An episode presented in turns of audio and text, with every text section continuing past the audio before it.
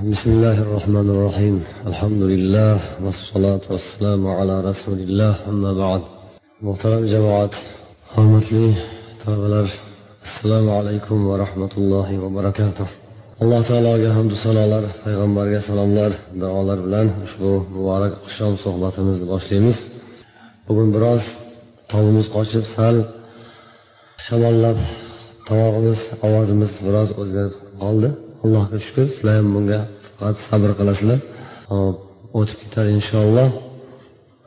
Bugungi suhbatimizni mavzusini iymon e'tiqodga bag'ishladik biz bir necha suhbatlardan buyog'ida sizlarga alloh taoloning zimmamizga yuklagan ulug' farzlaridan biri talaba ilm farzi haqida va bu orqali sizga bizga namoyon bo'ladigan allohning qudratlari mo'jizalari haqida suhbatlashdik. Dunyoviy bilimlar ilmu fan insonning iymoni e'tiqodini musulmonning dinu diyonatini mustahkamlashga xizmat qilishni misollarini ko'rib o'tdik.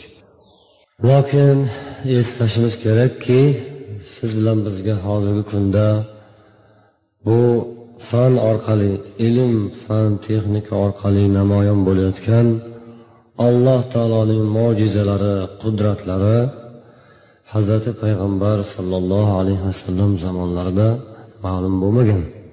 Sahobalarga ana shunaqangi narsalar ochilmagan.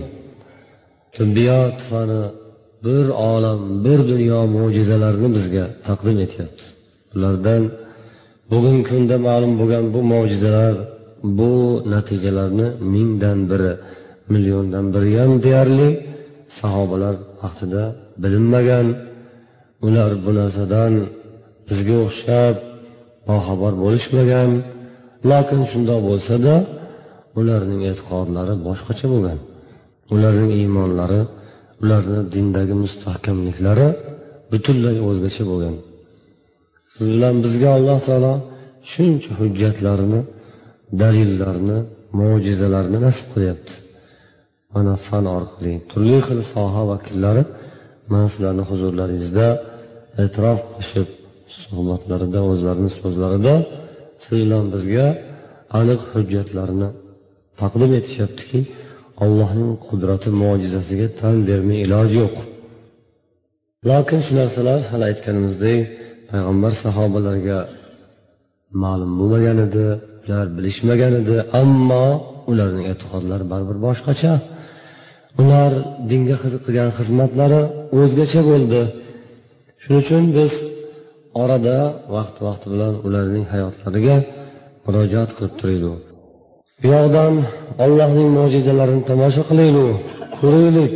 Lokin dinga xizmat qilishni qanday bo'lishi lozimligini ulardan o'rganaylik demak ular bunchalik bizga nasib bo'lgandek dunyoviy mo'jizalar bilimlar ularga ma'lum bo'lmasada toki ularning xizmati dinga keltirgan foydalari islom yo'lidagi mashaqqatlari mehnatlari siz bilan biznikidan ming million chandon ortiq ekanligini esimizdan chiqarmaylik.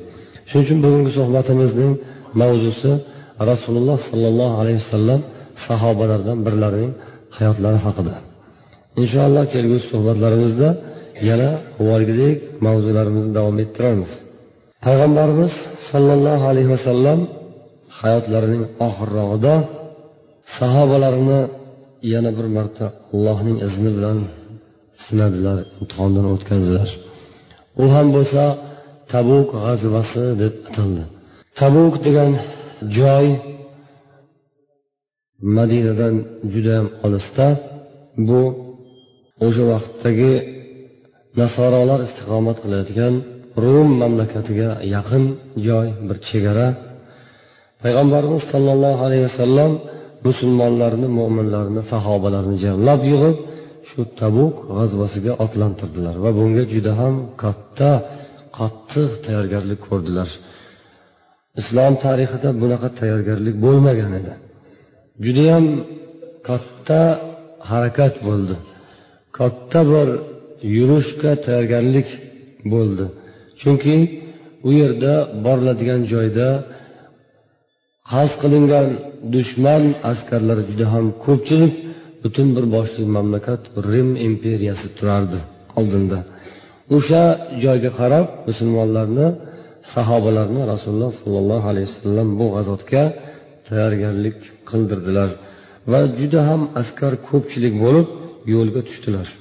Lokin bularni ishlarida bir qancha odamlar askarga qo'shilmasdan madinada bildirmasdan qolib ketdilar.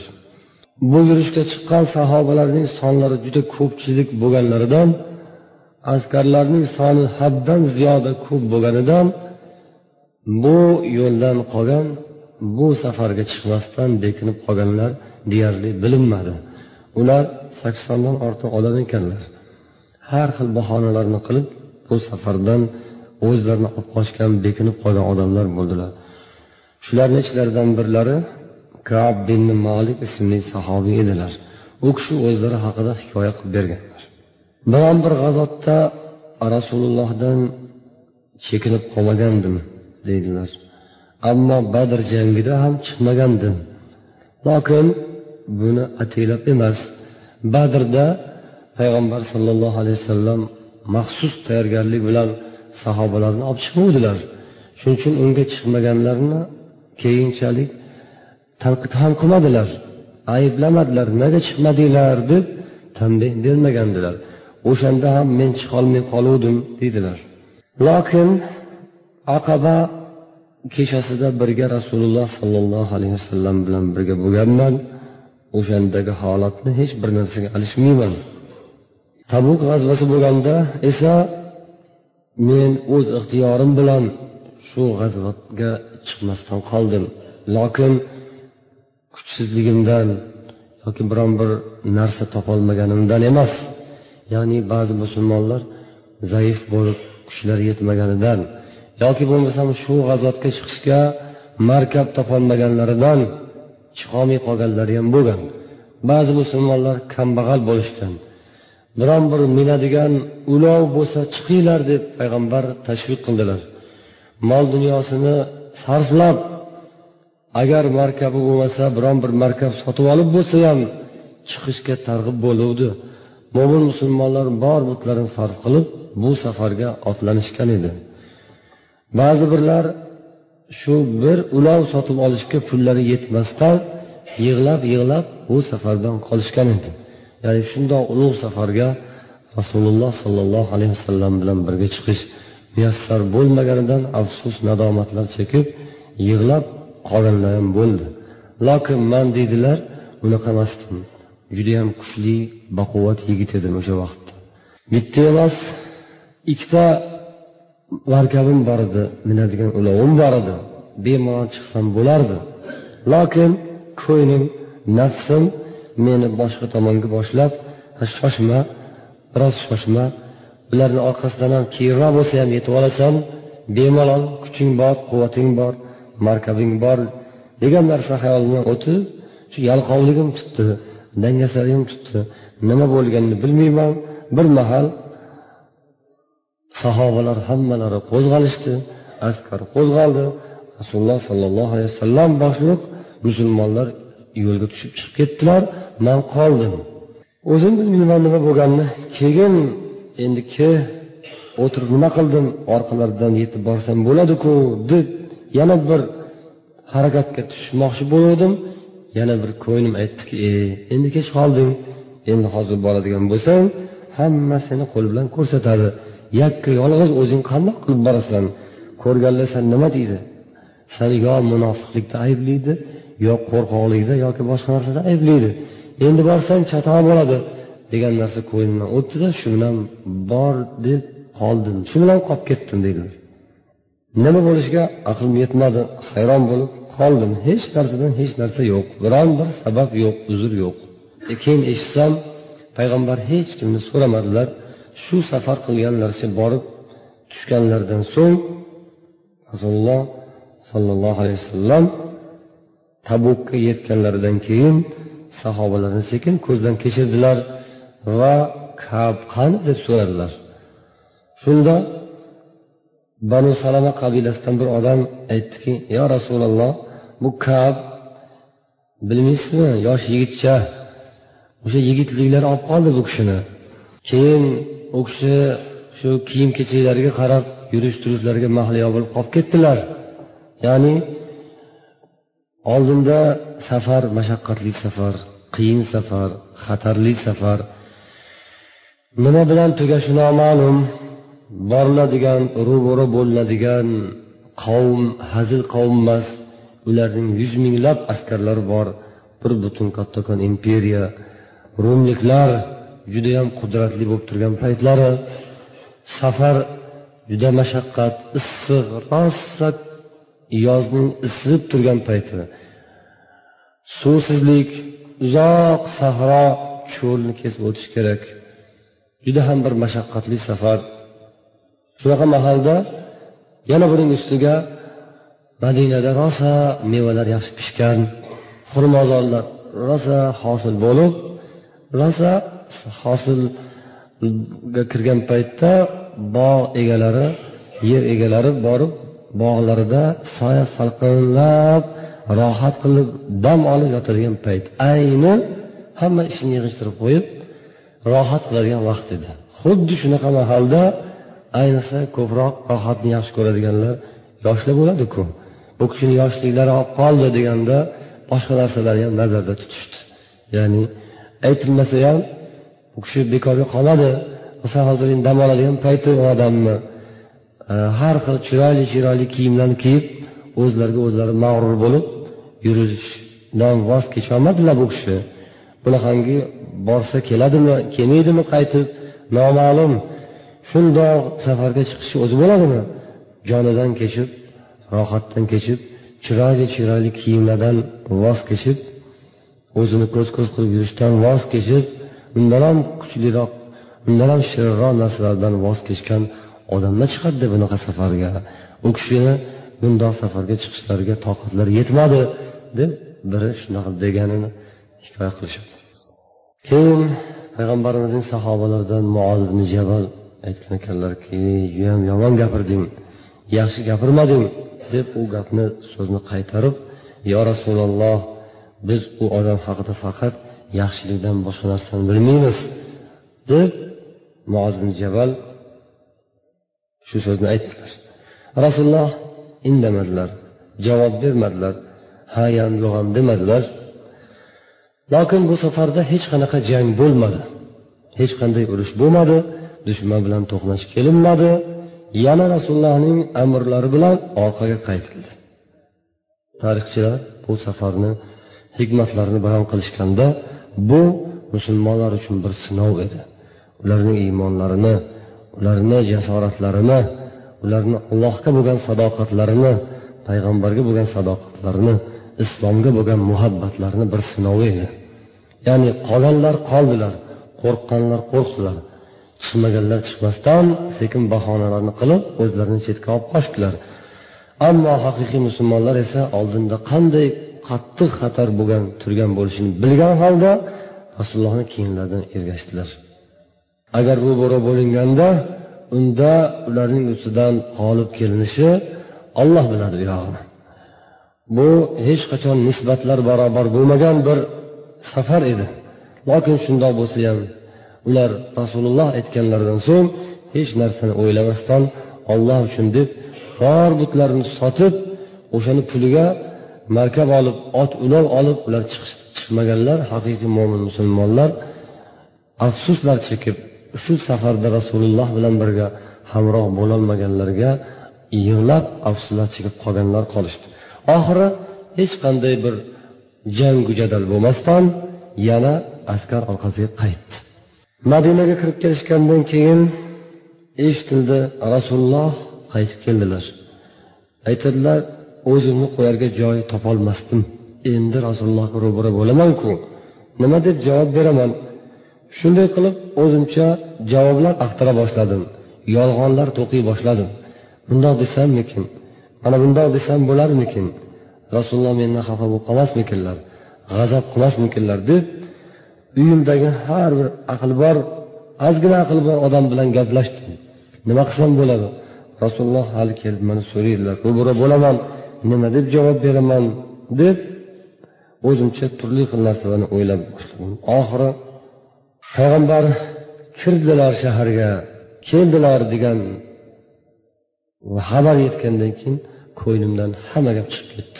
Ya'ni rasululloh kelyaptilar shaharga qaytyaptilar sahobalar qaytyaptilar deganda har xil fikrlar har xil javoblar axtara boshladimu ammo shaharga kirdilar yetdilar degandan keyin hamma gap ko'nglimdan ko'tarilib oxiri bitta qarorga keldimki man bu holatda hech qanday yolg'on bilan qutulolmayman. To'ppa to'g'risini aytaman qo'yaman. Allohga tavakkul deb qat'iy bir qaror qildim. Rostini aytaman dedim. Payg'ambar safardan qaytib odatlari bo'yicha to'g'ri masjidga kirardilar. Masjidga kirib ikki rakat namoz o'qidilar keyin odamlardan hol ahvol so'rashadilar. Shunday qilib rasululloh qaytdilar masjidga to'ppa to'g'ri kelib ikki rakat namoz o'qib keyin o'tirdilar. Odamlar kelib madinada qolganlar salom alikka kelishdi. Orasida haligi safarga chiqmasdan o'zlarini olib qochganlar ham birin setin birin ketin kela boshlashdi. Ular saksondan ortiq kishi edilar. Hammalari kelishib uzr ma'zur ayta boshlashdilar. Yo rasululloh biz chiqolmadik kechirasiz. Narsa topolmadik yo kasal edim yo palon bo'luvdi piston bo'luvdi deb hamma o'zini turli xil bahonalarni ayta boshladi. Rasululloh birontasiga ham bir narsa demadilar indamaslar ho'p deb ularni uzrini eshitdilar qabul qildilar va allohdan istig'for so'rab xudoga havola qildilar. Ichki dunyosi nima bo'lsa allohga havola mayli zohirni qabul qilib botinni allohga topshirdilar keyin navbat menga keldi dedilar borib rasulullohga salom qildim. Rasululloh bir tabassum qildilar. Lokin bu tabassum achchiqroq tabassum edi. Ya'ni g'azabi kelgan jahli chiqqan odamning tabassumini ko'rdim dedilar kel dedilar. Borib yaqinlariga o'tirdim. Nima bo'ldi senga?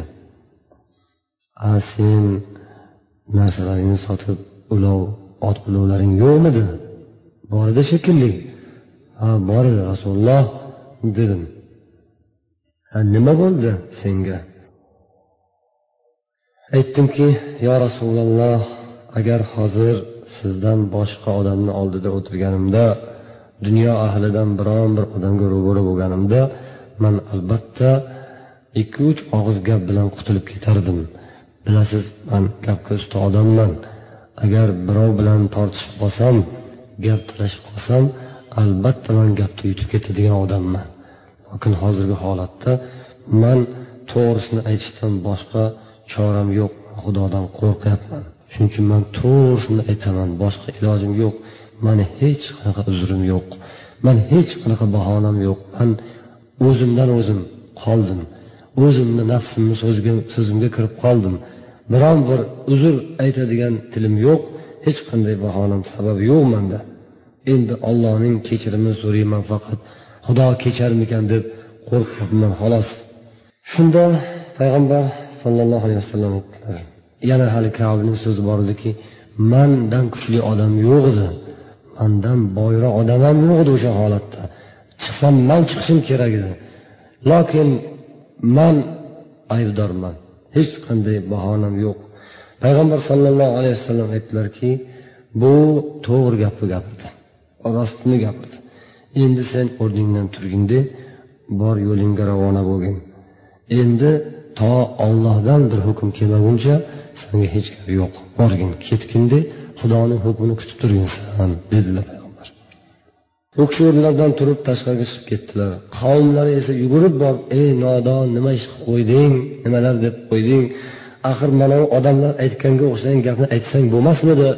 Shuncha odam keldi hammasi uzrini aytdi birontasini kavlab rasululloh so'radilarmi? Tekshirdilarmi? Qani gaping rostmi? Qani boringlarchi uyini tekshiringlarchi shunaqamikan shunaqa emasmikan degan gap bo'lgani yo'q. Bir ozgina yolg'on ishlatsang rasululloh hammasini haqqiga istig'for aytdilarku sani yolg'oningni u kishini istig'forlari yuvib ketmasmidi? Deb odamlar har xil gaplarni gapira boshladilar malomat qila boshladilar. Lokin bu kishi manga o'xshagan gapni hech kim gapirmadimi? Ha ikkitasi gapirdi. Shunday qilib murorat ibn rabi bilan hilol ibn umayya degan ikkita sahobiy ham borib rasululloh sollallohu alayhi vasallamdan kechirim so'rab to'g'risini aytishgan ekan hech qanday uzrimiz yo'q biz o'z nafsimizni so'ziga kirib tushmadik boshqa bahona yo'q ollohdan qo'rqyapmiz yo rasululloh xudo kecharmikan? deb to'g'risini aytib turishdi.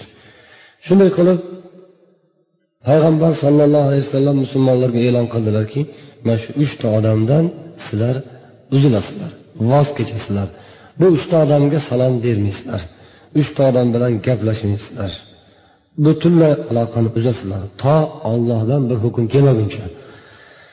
Agar olloh ularning tavbasini qabul qilsa xayr bo'lmasam shundoq tashlab qo'yilsin deb payg'ambar sollallohu alayhi vasallam buyurdilar. Ya'ni hijrat hijratning turlaridan biri shu. Hijratni ilgariroq suhbatlarimizda uch xil turi borligini aytuvdik. Yerdan hijrat qilish odamdan hijrat qilish. Bu odamdan hijrat qilish. Ya'ni bir odam shariatga xilof ish qilsa noto'g'ri ish qilsa undan hijrat qilinadi ekan. Tadib uchun tanbeh uchun tarbiya uchun. Ya'ni xudo uchun u nafs uchun emas bizga birov yomonlik qilib qo'ygani uchun emas ollohning diniga xilof ish qilib qo'ygani uchun voz kechilib gaplashilmasdan uni yakkalab qo'yish. Shunday qilib uchovimiz bilan odamlar gaplashmay qo'ydilar. Menku yosh edim unchayam bilinmadi bozorlarga borardim u yoq bu yoqqa aylanib yuraverardim rasulullohni oldilariga ham kelardim. Masjidga borib jamoat bilan namoz o'qiyverardim ammo ikkita birodarim yoshlari ulug'roq edi ularga qiyin bo'ldi. Ular hech qayoqqa borisholmaydi.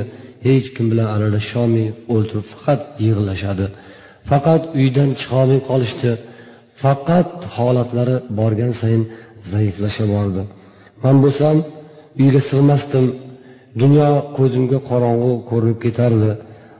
Bironta odamga salom bersam salomga alik ham olishmas edi. Borib rasulullohni oldilariga sekin yaqinlashib borardim.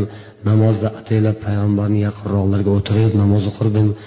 Manga qarayaptilarmikin mani ko'ryaptilarmikin? deb atayin rasululloh zora mora manga nazarlari tushsa zora mora dillari o'zgararmikin? derdim. Sezardim man namoz o'qiyotgan bo'lsam manga qaraganday bo'lardilar. Keyin man sekin yerni tagidan rasulullohga qarasam mendan yuzlarini teskari qarab o'girib olardilar. Keyin oldilariga borib atayin salom berardim. Salom bersam bilmasdim. Lablari qimirladimi qimirlamadimi farqiga borolmasdim shunday bo'lib vaqt o'ta boshladi. Bir kun yuragim judayam siqilib ketdi. Eng yaxshi ko'rgan bir qarindoshim bor edi. O'shani oldiga bordim. Borib ey abu qatoda menga qaragin man seni judayam yaxshi ko'raman a sen mani jigarimsan bilasanmi? deb salom bersam alik olmaydi hey xudoning nomini o'rtaga qo'yib alloh taoloni nomini o'rtaga qo'yaman qasam ichib aytaman. Bilasanmi?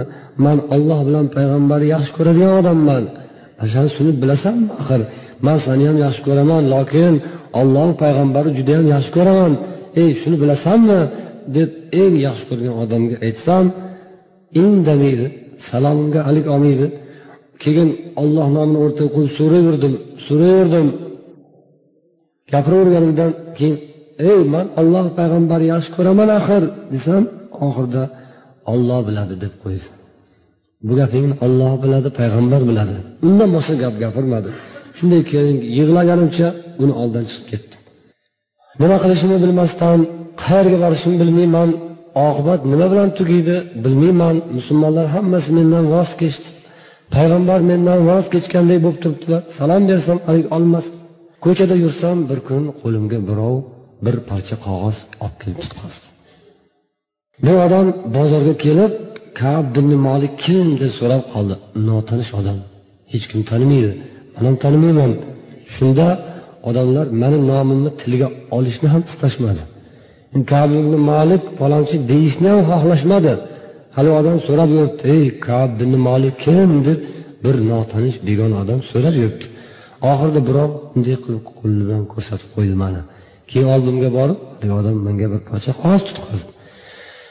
Qog'oz ochib o'qib qarasam dahshat. Yana bir balo ollohning yana bir balosi kelyapti deb qo'rqib ketdim. Shunday bir kutilmagan voqea yuz berdi. Nima bo'ldi deng? Haligi qog'ozda qo'shni mamlakatning podshosidan xat kelibdi ya'ni g'asson degan joydagi bir podsho hali musulmon bo'lmagan bir kofir podsho nasroniy podsho xristian dinidagi podsho bunga xat yozibdi bu kishiga. Salom alikdan keyin aytibdiki bizga ma'lum bo'lishicha seni payg'ambaring senga zulm qilibdi senga jabr qilibdi o'zini yaqin odamdan voz kechibdi seni yakkalab qo'yibdi. Sendek ulug' odam sendek baquvvat yigit sendek moldor kishi azizu mukarram hurmatga loyiq odamni shunaqa xorlanib oyoq osti bo'lib qolishiga hech rozi bo'lmaydigan bir og'ir holat bo'libdi. Shuning uchun seni biz o'zimizga taklif qilamiz. Sen bizga kelgin marhamat qilgin. Biz senga ko'p yaxshiliklarni qilamiz degan xat turibdi. Vo ajabo bundan ham ortiq balo bormi endi? Bu ham bir kulfat bo'ldiyu deb battar ichim yuragim orqaga tortib xafa bo'lgandan xafa bo'lib ketdimki endi demak man kofirlarga kerak bo'lib qoldim. Man bir ollohning bandasiman deb yursam ollohni dinida ollohni yaxshi ko'rib payg'ambarni yaxshi ko'rib yursamu men endi kelib kelib shu bir kofirga kerak bo'ldimmi? Shu nasroniy kofirlar endi meni demak izlab qoldim deb qattiq xafa bo'lib xatni shunday g'ijimlagancha olib borib tandirga tashlab kuydirib yoqib yubordim. Qirq kun bo'lganda rasulullohdan elchi keldi. Rasulullohni odamlari kelib qoldi. Nima bo'ldi ekan? Hayron bo'ldim. Kelib dediki rasululloh buyuryaptilar ayollaringdan uzoq bo'lar ekansizlar nima qilishim kerak? Taloq qilishim kerakmikan? Yo'q taloq qilmaysan faqat uzoq bo'lgin ayollaring bilan yaqinlashmalaring birga bo'lmaysizlar degan payg'ambar buyurdilar. Shundan keyin uyimga borib xotinimga dedimki sen endi borib oilangga uyingga borgin. Rasululloh shundoq buyurdilar. Endi ollohning buyrug'i kelguncha to bir masala hal bo'lguncha o'zingni uyingga borib turasan. Dedilar. Ammo haligi ikkita birodarni esa qariliklari keksaliklari tufayli xotinlari borib payg'ambarga iltimos qilishdi. Yo rasululloh bu hilol ibn umayya bechora qari odam judayam qiynalib qoldi. Unga xizmat qiladigan hech bir odam yo'q xizmatkor yo'q. Ruxsat bersangiz man uni xizmatini qilib tursin degandan keyin payg'ambar sollallohu alayhi vasallam ham mayli dedilar. Mayli faqat xizmatini qilasan xolos dedilar. Keyin bu gapni eshitgandan keyin birodarlar bu kishiga kelib borgin sen ham xotiningni yuborgin payg'ambar oldilariga. Sen ham ruxsat so'ragin deganda yo'q man yubormayman chunki man o'zim yosh odamman. Man shunday deb payg'ambardan so'rashga uyalaman. Payg'ambardan so'rasam hali nima deb javob beradilar qayerdan bilaman deb man bu narsaga unamadim ellik kun o'tdi. Ellik kun o'tgandan so'ng elliginchi kuni bomdod namozi fajr namozi o'qilgandan so'ng tashqaridan bir ovoz kelib qoldi. Ey kap suyunchi suyunchi degan ovoz keldi. Bu gapni eshitib o'zimni shunday tashladim yerga. Tashlab sajdaga boshimni qo'yib allohga hamdu sano aytib sajda qila boshladim. Bildimki xursandlik bildimki mashaqqatim tugadi inshaalloh. Bildimki alloh taolodan kechirim bo'lsa kerak. Demak tavbam alloh dargohida qabul bo'lganga o'xshaydi deb xursandligimdan hech narsaga quloq solmasdan shu bir og'iz so'zni eshitib sajda qilib allohga shukrona sajdasini aytdim. Haligi odam shoshilib otni choptirib kelyapti ekan bu kishini bir tanishlari. Ey sad tavbang qabul bo'ldi muborak bo'lsin. Xursand bo'lgin suyunchi ber suyunchi ber deb yugurib shoshilib keldi. Xursand bo'lganimdan hech narsam yo'q edi egnimda bo'lgan ikkita kiyimim bor edi. Ko'ylagi ishtondir balkim shunday yechib berib mana shu senga sadaqa bo'lsin deb suyunchi qilib ko'ylagimni ikki qavat ikki bo'lak ko'ylagimni shunday ehson qilib berib yubordim va o'zim birovdan qarz so'rab kiyim kiyib oldim. Qarzga bir birodardan kiyim olib kiydimda keyin shoshilgancha rasululloh sollallohu alayhi vasallam huzurlariga bordim. Borsam sahobalar hammalari xursand bo'lishib mani tabriklashyotibdi ey kab muborak bo'lsin muborak bo'lsin tavbang muborak bo'lsin. Alloh taolo seni tavbangni sizlarni tavbalaringizni qabul qildi deb sahobalar xursand bo'lib kutib olishdi. Payg'ambar sollallohu alayhi vasallamga kelib salom berdim. Salom bersam u kishi xursandliklaridan yuzlari juda yorishib ketgan. Xuddi oydek bo'lib ketdi. Yuzlari shunda payg'ambar sollallohu alayhi vasallam xursand bo'lib aytdilarki abshir bi khayri yawmin marra alayka muz valadatka ummuka. Onang tug'gandan buyoqdagi eng yaxshi kun. Onang seni ko'zi yorib dunyoga keltirgan kundan buyoqda o'tgan kunlaring ichidagi eng saodatli eng yaxshi kuning muborak bo'lsin. Xursand bo'lgin dedilar. Shunda yo rasululloh bu sizdanmi bu yoki ollohdanmi bu ollohdan mendan emas ollohdan dedilar payg'ambar sollallohu alayhi vasallam. Yo rasululloh bu shukronasiga man nima bo'lsa bu bisotimda hammasini sadaqa qildim. Ollohni yo'liga hadya qilaman. Sizga olib kelib tashlayman. Alloh rasuliga bo'lsin. Ollohni yo'liga bo'lsin. Nima deysiz? Yo'q dedilar payg'ambar. O'zingga keragini olib qolgin. Oilangga bola chaqangga o'zingga kerak bo'ladigan zarur bo'lganini olgin. Hammasini sadaqa qilmagin. Haybar degan joydagi yerim yetadi manga. Undan boshqasini hammasini alloh taolo yo'liga hadya qildim sadaqa qildim. Dedilar yo rasululloh meni bu falokatdan qutqazgan narsa rostgo'ylik bo'ldi rostlik bo'ldi. Ollohning huzurida sizni huzuringizdagi rostlik meni bu mushkulotdan bu falokatdan qutqardi. Olloh nomiga qasamki bundan buyog'ida xudo nasib etsa biror og'iz yolg'on gapirmayman. Umrimni boricha rostlik bilan o'taman. Alloh taolo menga agar muvaffaq qilsa deb shu so'zni aytdilar. Olloh bularning haqlarida tavba surasidagi oyatlarni nozil qilgan ekan va boshqa sahobalarni ham muhojirlarni ansoriylarni ham nomlarini umumiy tarzda zikr etilib ularni esa deb alloh o'sha uchta odamga ham deb aytgan ekan. Nomlarini aytilmasada o'sha uchta odamga qoldirilgan uchta odamga ham allohning tavbasi bo'lsin.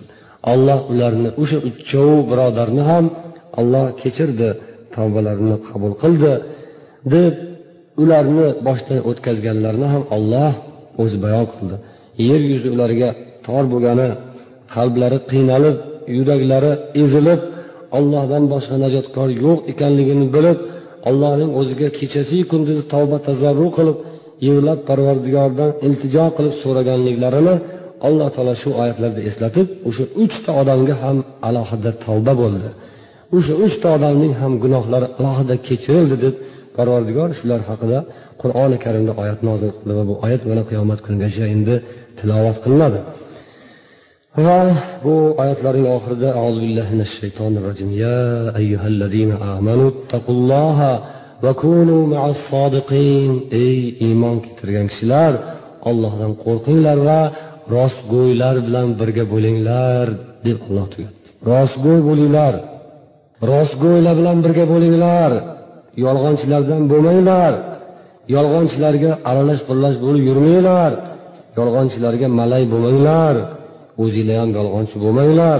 Rostgo'y bo'linglar. Rostlik insonni yaxshilikka yetaklaydi yaxshilik insonni jannatga yetaklaydi deb payg'ambar sollallohu alayhi vasallam hadisdan aytganlar.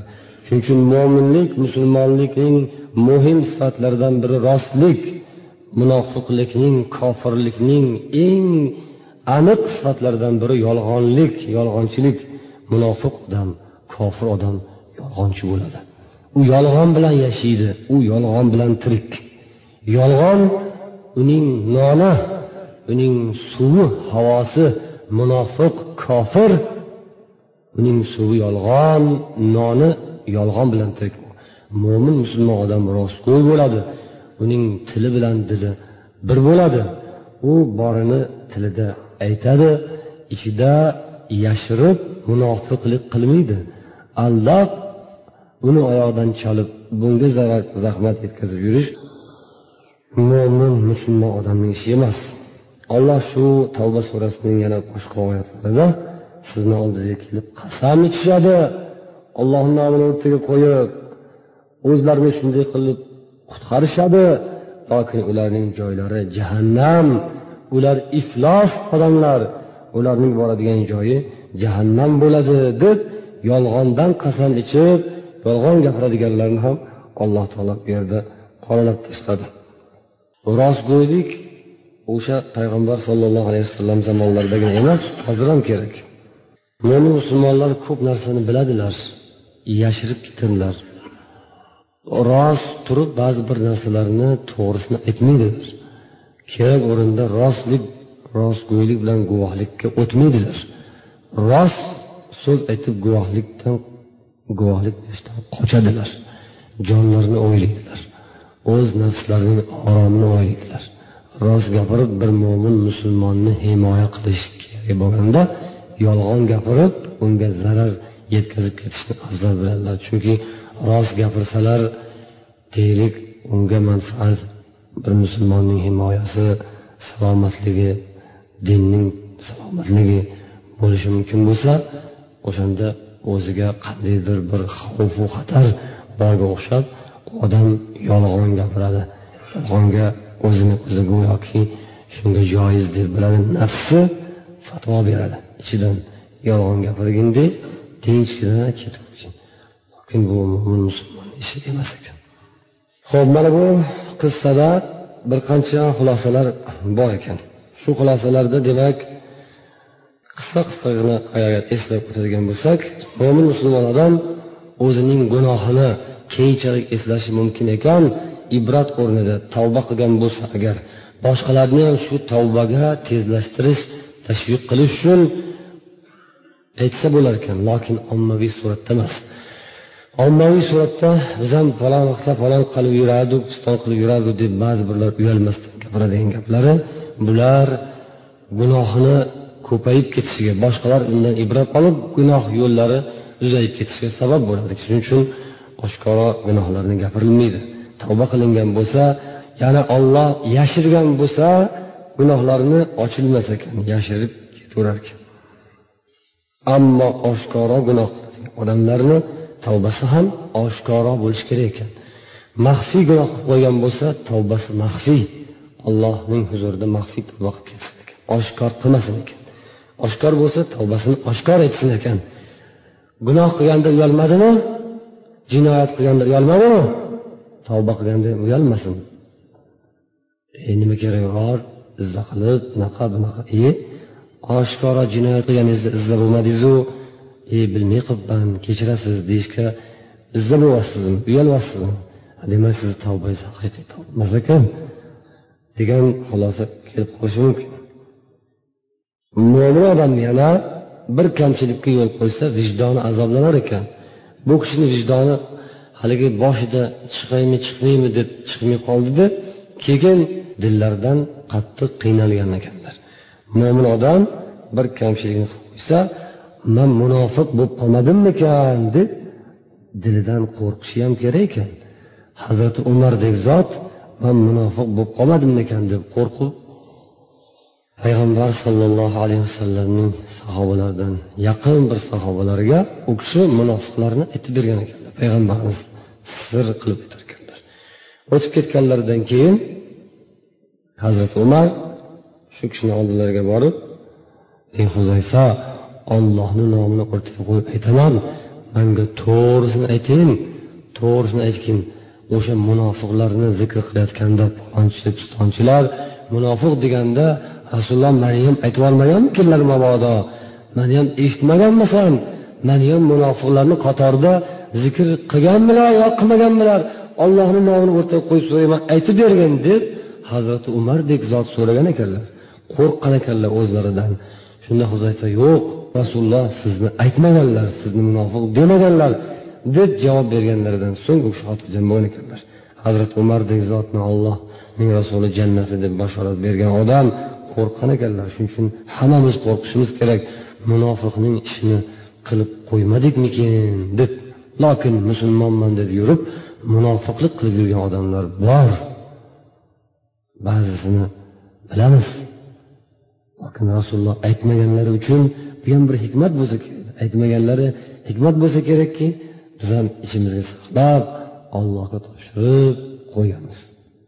O'rni kelganda lokin chiqib qolishi ham mumkin u tilga agar juda haddan oshib ketsa. Ho'p yana shunday xulosalardan biri. Mo'min odam birodarini xorlamaslik kerak ekan.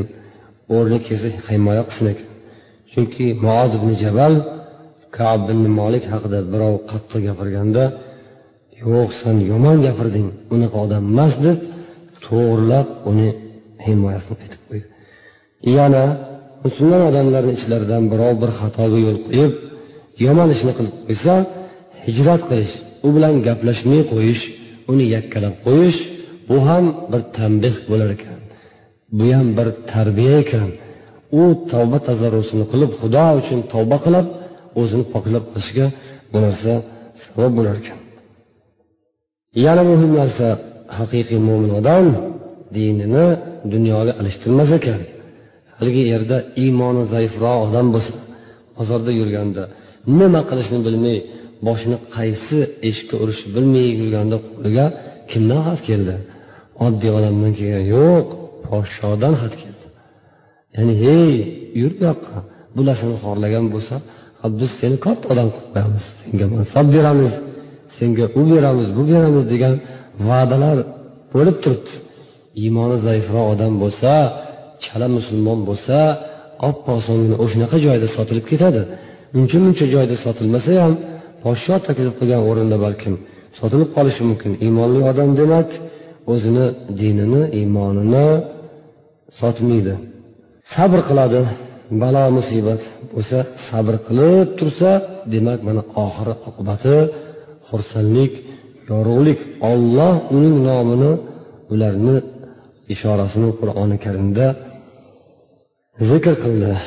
Va yana bir xulosa bu yerdan ibrat xursand bo'lgan paytda inson alloh taologa shukrona sajdasi qilish kerak. ekan biron bir voqeadan xursand bo'ldi xabar suyunch xabar kelganda olloh uchun peshonasini yerga qo'yib sajda qilsinki bu ish palonchidan pistonchidan emas kimdan? Ollohdan bo'ldi. Rasulullohdan emas ollohdan bo'ldi. Demak hamma yaxshilikni ollohdan bilamiz. Bu har man so'zimiz boshida aytgan edik sahobalar zamonida fan texnika taraqqiyoti mo'jizalari hujjatlari isbotlari dalillari bo'lmagan paytda ollohu rasuliga ular shunaqa qattiq ishonishgan. Iymonlari shunaqa mustahkam bo'lgan hech narsadan qaytmaganlar. Ha bugungi kunda endi siz bilan bizning oramiz ancha uzoq bo'lsada lokin shu uzoqlikni orasini to'ldirish kamini to'ldirish uchun alloh taolo bizga qudratlarini namoyon qiladigan hujjatlarni ularga bermagan dalillarni hujjatlarni isbotlarni sizga bizga berib turibdi. Shuning uchun biz ham ulardan juda orqada qolib ketishga haqqimiz yo'q. Biz ularni ko'rmaganmizku desak ular ko'rmagan narsani ko'ryapmiz. Ularni ko'rmagan bo'lsak ham olloh ularga ko'rsatmagan narsani siz bilan bizga ko'rsatyaptiyu. Shuni o'ziga xursand bo'lib demak iymon e'tiqodimizni mustahkam bo'lib o'shalardek dinda musulmonlikda halollik pokizalikda mustahkam bo'lishga harakat qilamiz.